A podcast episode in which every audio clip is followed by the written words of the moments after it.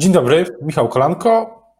Audycja y, Rzecz o Polityce Państwa i moim y, gościem dzisiaj y, jest Jan Filip Libicki, senator Koalicja Polska PSL. Dzień dobry. Dzień dobry panie redaktorze, dzień dobry państwu. Chciałbym zapytać na początek o to, co dzieje się w, w, w Platformie. Czy uważa pan, że odejście Joanny Muchy z Platformy i jej przejście do ruchu Szymona Hołowni to jest jakiś um, polityczny przełom? Znaczy, to są dwie opcje. No, moim zdaniem są to dwa warianty. Albo jest tak, że Polska 2050 łowiła bardzo długo e, kandydatów na swoich parlamentarzystów i z tych długich łowów wynikły dwie osoby, czyli pan senator Bury i pani posłanka Mucha, albo jest tak, że fakt, iż dzień po dniu przechodzi dwójka parlamentarzystów, jest dowodem szerszego procesu, że to nie jest koniec tych łowów, tylko tak naprawdę początek i że obok tej dwójki o przejściu do Polski 2050 my, myślą jeszcze na przykład 20 osób. Trudno mi powiedzieć, nie jestem w środku, ale niewątpliwie to jest niedobry proces dla Koalicji Obywatelskiej, ponieważ powołam się tu na prezesa Kaczyńskiego, który zawsze mówił, e, że wolę, żeby naraz odeszło dziesięciu parlamentarzystów, niż żeby było tak, że co dwa dni odchodzi jeden. Otóż w tej chwili widzimy, że być może realizuje się scenariusz pod tytułem co dwa dni odchodzi jeden, zwłaszcza, że przypomnę tweeta pana ministra Sienkiewicza, który nawoływał do tego, aby zastanawiać się nad przyczynami, dlaczego e, Joanna Mucha opuściła koalicję obywatelską to by znaczyło, że tam w środku może być więcej kandydatów do tego typu transferu. To, czy będą transfery, to kolejne to, to zobaczymy. No, pan Szymon Hołownia zapowiadał utworzenie koła poselskiego. E, jeśli, jeśli do tej dwójki parlamentarzystek e, dołączy e, pan Jacek Buryn, to rzeczywiście koło będzie i chyba z takich tych pierwszych... Nie bardzo, bo wydaje mi się, że koło, koło, żeby zrobić koło poselskie, no to muszą mieć jednak trzech posłów to nie jest tak, że senator liczy się do założenia takiego koła. Może tak być, e, ma pan zapewne rację, ale wracając do, do samej sceny politycznej, czy, czy, czy to przejście i czy to wzmacnianie się Szymona Hołowni coś zmienia dla e, PSL-u, Koalicji Polskiej? Bo pamiętam kampanię prezydencką i w tej kampanii PSL Koalicja Polska mm, rywalizowała z, z Szymonem Hołownią, jeśli nawet nie wprost, to ta rywalizacja o podobne elektoraty była co teraz? Co teraz? Ja, ja, się, ja bym powiedział, że ja się na razie nie niepokoję, ponieważ pani poseł Gil Piątek no jest w dość jednoznaczny sposób kojarzona z lewicą. E, pani e, posłanka Mucha raczej też, no, przypomnę jej występy na mównicy sejmowej z parasolką co jest, e, i, popiera, i poparciem strajku kobiet. PSL, jeśli liczy na jakiś elektorat, to liczy na elektorat bardziej centrowy. Ja osobiście bardziej bym się niepokoił, gdyby do Szymona Hołowni dołączyli tacy parlamentarzyści Platformy jak Ireneusz Raś czy Czesław Mroczek, czy nie wiem, czy z gruntu senackiego, gdyby zainteresowanie Szymonem Hołownią wyrażał na przykład pan e, senator Ujazdowski, tak? E, wtedy bym się rzeczywiście niepokoił. Wymieniam te nazwiska, ponieważ w moim przekonaniu to są nazwiska, którym stosunkowo dobrze i blisko byłoby, jeśli chodzi o PSL Koalicję Polską i którzy wielokrotnie wypowiadali życzliwość pod adresem Koalicji Polskiej. Gdyby się okazało, że to ich łowi Polska 2050, to wtedy bym się niepokoił, ponieważ oznaczałoby to, że te łowy odbywają się na naszym potencjalnym łowisku. Jak na razie wydaje mi się, że Szymon Hołownia łowi na łowisku lewicy i to lewica powinna być zaniepokojona tym procesem. A co do, e, co do Senatu, to czy przejście, nie, może nie przejście, ale ogłoszenie tej współpracy pana senatora Jacka Burego z ruchem Szymona Hołowni, on zastrzega z tego, co rozumiem, że nie będzie członkiem ani partii, ani nawet tego e, stowarzyszenia, czy tego ruchu.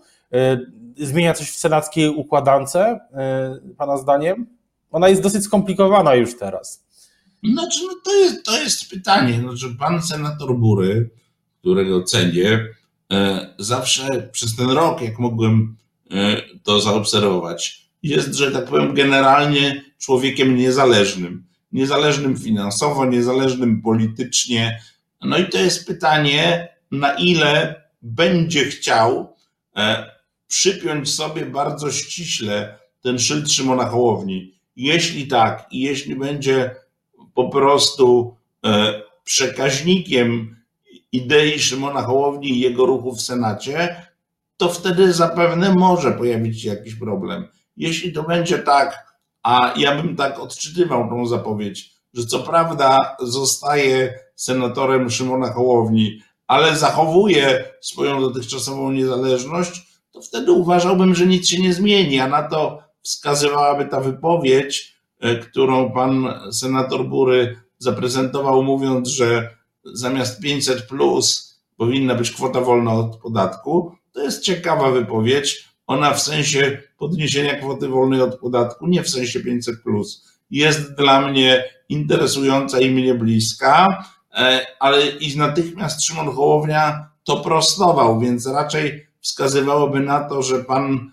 e, senator Bury nie będzie jakby prostym wyrazicielem idei tego ruchu, tylko zachowa dotychczasową niezależność. Jeśli tak będzie, to uważam, że nie będzie większej zmiany, jeśli chodzi o większość senacką. A co do Senatu, to właśnie co się mówi w kuluarach, bo ostatnio widziałem e, nagłówek, co prawda, więc e, może, może niebezpiecznie jest dla mnie to cytować, ale jednak widziałem taki nagłówek i z wypowiedzią pana marszałka Grodzkiego, który sugerował, że może nawet do klubu opozycji, że, że klub PiSu się może pomniejszyć o jakieś, o, o, o senatorów, którzy pójdą do, do Platformy czy do klubu Koalicji Obywatelskiej. No, słyszał pan coś y, w kuluarach o takich możliwych transferach? Znaczy nie słyszałem o konkretnych osobach, ale mogę e, tutaj poczynić pewne spekulacje. No nie jest E, e, żadną tajemnicą szorstka przyjaźń pana senatora Jackowskiego z panem marszałkiem Terleckim, tak? No takie szorstkie przyjaźnie kończą się różnie, często kończą się rozstaniem, no. Nie zakładam, żeby z powodu senatora Jackowskiego z klubu PiS odszedł marszałek Terlecki. Raczej uważam, że jeśli po tej szorstkiej przyjaźni ktoś miałby odchodzić z klubu E, parlamentarnego Prawa i Sprawiedliwości, to raczej pan senator Jackowski, który prezentuje sam siebie jako obrońcę, e, obrońca rdzennego programu PiS. No to się PiSowi, że tak powiem, podobać nie może. Czym się to skończy, zobaczymy. No jest jeszcze druga historia, która bardzo mocno poróżniła klub senacki PiSu. No to jest piątka dla zwierząt. To jest pytanie, co będzie PiS z tym robił. Czy zarzuci tą ideę, czy będzie do niej wracał, czy będzie ją dalej tak forsował, czy będzie łamał tych senatorów, którzy są przeciwni tym rozwiązaniom. Jeśli tak będzie, to także z tej grupy, która jest przeciwna piątce dla zwierząt, mogliby się wyłonić jakiś kandydaci do transferów. A można postawić też taką tezę, że ogólnie w PiSie piątka dla zwierząt razem z działaniami y, głównie kuluarowymi prezydenta, no też wywoła spory, spory ferment i nawet niektórzy stawiają takie tezy, moi koledzy dziennikarze, że kiedyś powstanie odrębna partia e, pod egidą pana prezydenta, w której być może będą nazwiska, z którymi się, które wobec piątki dla zwierząt się sprzeciwiają. Znaczy nie wydaje mi się, żeby pan prezydent w sensie sprawności politycznej był politycznie zdolny do skonstruowania czegokolwiek samodzielnego. Pan prezydent raczej e, przez te sześć już prawie lat, czy pięć i pół, wskazuje, że jest dekoracją dla, że tak powiem, obozu Prawa i Sprawiedliwości. I tak jest zresztą traktowany przez bardzo wielu parlamentarzystów Prawa i Sprawiedliwości. Jest nazywany w prywatnych rozmowach Andrzejkiem. No nikt o prezesie Kaczyńskim nie mówi Jareczek, tylko z wielkim szacunkiem mówią pan prezes, prezes i tak dalej. Pan prezydent jest dość powszechnie nazywany przez nich Andrzejkiem i myślę, że to dobrze opisuje jego rolę polityczną w obozie PiS. Wracając do, do Senatu, y, zbliża się kolejne ważne głosowanie w Senacie, bo dzisiaj chyba, dzisiaj chyba wieczorem albo y, w ciągu dnia to trudno czasami się to szybko zmienia. Będzie głosowanie nad kandydat, kandydatami i kandydatką nad, do rzecznika, na rzecznika praw obywatelskich. I wszystko wskazuje na to, że Piotr Wawrzyk, pan wiceminister Piotr Wawrzyk, będzie mm, zatwierdzony przez Sejm. Co, co wtedy z nim w Senacie? Czy pan będzie głosował e, przeciwko tej kandydaturze, czy za? Będę głosował przeciwko kandydaturze pana Wawrzyka. Uważam, że po pierwsze, że taka kandydatura powinna być zgłoszona przez jakieś środowiska, czy organizacje pozarządowe, czy środowiska uniwersyteckie, trochę w taki sposób, jak była zgłaszana pani Rudzińska-Bluszcz, czy, czy przez nas, wskazany przez uczelnię Łazarskiego pan profesor Gwiazdowski, e, to po pierwsze. E, po drugie, e, no ja nie znam żadnych działań pana ministra Wawrzyka z dziedziny ochrony praw człowieka, więc nie ma powodu, żebym na kogoś, o którego działalności na polu rzecznikowania się stara, nie wiem nic, żebym za nim głosował.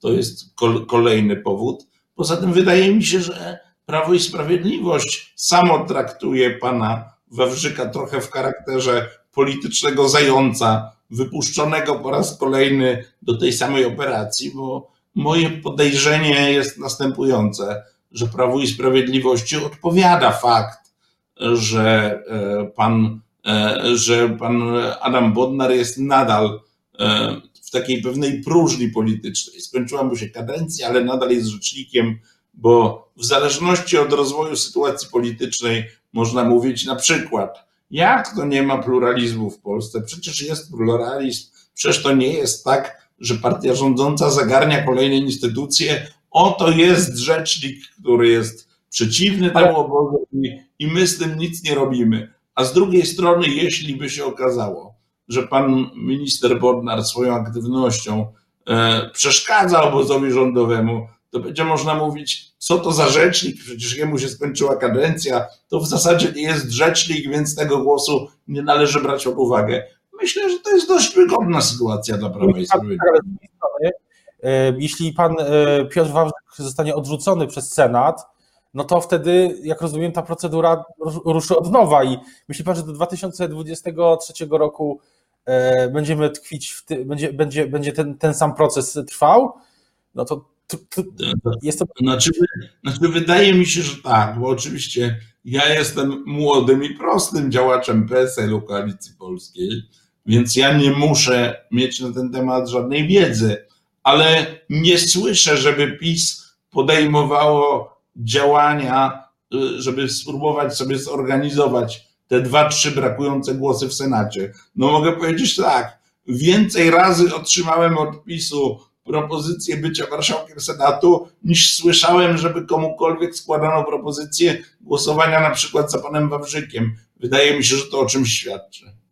A też, a myśli pan, że a może ustawa, będzie po prostu ustawa, e, bo dotycząca RPO, która e, tak sugerował jeden z posłów PiS e, w trakcie komisji sejmowej, która na przykład zmieni zapisy i, i pełniącym obowiązki RPO będzie ktoś inny. Może tak będzie za parę miesięcy. Znaczy, z punktu widzenia Prawa i Sprawiedliwości to by było najprostsze, tak? Że oto nagle grupa posłów, bo wtedy to oznacza, że tą sprawę można załatwić w miesiąc. Grupa posłów zgłasza wniosek o zmianę ustawy, projekt ustawy, ta ustawa jest przegłosowywana w Sejmie, idzie do Senatu, w Senacie jest obrabiana 30 dni, jest oczywiście odrzucana, następnie PiS przełamuje to weto i ma sprawę rozwiązaną. Z punktu widzenia takiej prostoty tego rozwiązania, wydaje mi się, że ona może być dla obozu PiSu dosyć kuszące. To jak będzie e, przez, ze sprawą RPO e, zobaczymy, a, a czy myśli pan, że może Senat, e, a czy, czy jest, e, czy mówi się w kuluarach Senatu, na przykład może w kuluarach opozycyjnych właśnie, żeby to Senat zgłosił, niejako zaproponował e, kandydata, który od razu byłaby wtedy kandydata lub kandydatka, wtedy byłaby gwarancja, że, że on ma poparcie sejmowej, senackiej większości. Może taki wist. No dobrze, ale kandydat, który ma poparcie senackiej większości, no raczej nie będzie miał poparcia większości sejmowej. Więc niezależnie od której strony zaczniemy ten proces, to zawsze jesteśmy w tym samym miejscu. Znaczy, problemem zasadniczym moim zdaniem jest to, że PiS e, z nikim nie chce, nie lubi i nie umie negocjować. Tak? E, PiS nie jest w stanie znaleźć kogoś na Rzecznika Praw Obywatelskich, kto byłby niepisowski i do zaakceptowania przez większość senacką, ponieważ tego, czego PiS nie znosi, to politycznej niezależności różnych bytów. I przekonanie, że rzecznikiem praw obywatelskim może być ktoś, komu nie będzie można z Nowogrodzkiej wydawać konkretnych poleceń, jest dla kierownictwa Prawa i Sprawiedliwości tak odrażające, że wolą utrzymywać ten stan, który jest w tej chwili, chociaż on też może w niektórych momentach nie jest dla nich wygodny. Wydaje się, że kierownictwo PiS traktuje e, bardzo wiele sytuacji w, kategoriach e, wojskowych, to znaczy to jest prosta linia mm, wydawania rozkazów z, z góry w dół. No, ja bym powiedział tak. E, Felix Koneczny pisał kiedyś, że jedną z cech cywilizacji turańskiej jest spoglądanie na społeczeństwo jako na obóz wojskowy rzeczywiście pan tutaj sięgnął swoim porównaniem do Konecznego, ale to nie ma wiele wspólnego z cywilizacją europejską. To jak e, potoczy się dalej, potoczy się dalej losy e, Rzecznika Praw Obywatelskich, e, kandydatki i kandydatów będziemy wiedzieć zapewne już dzisiaj. Teraz już bardzo dziękuję za rozmowę Państwa i moim gościem dzisiaj w Rzecz o Polityce był Jan Filip Libicki, senator Koalicji Polskiej PSL-u. Dziękuję bardzo, miłego dnia. Bardzo dziękuję.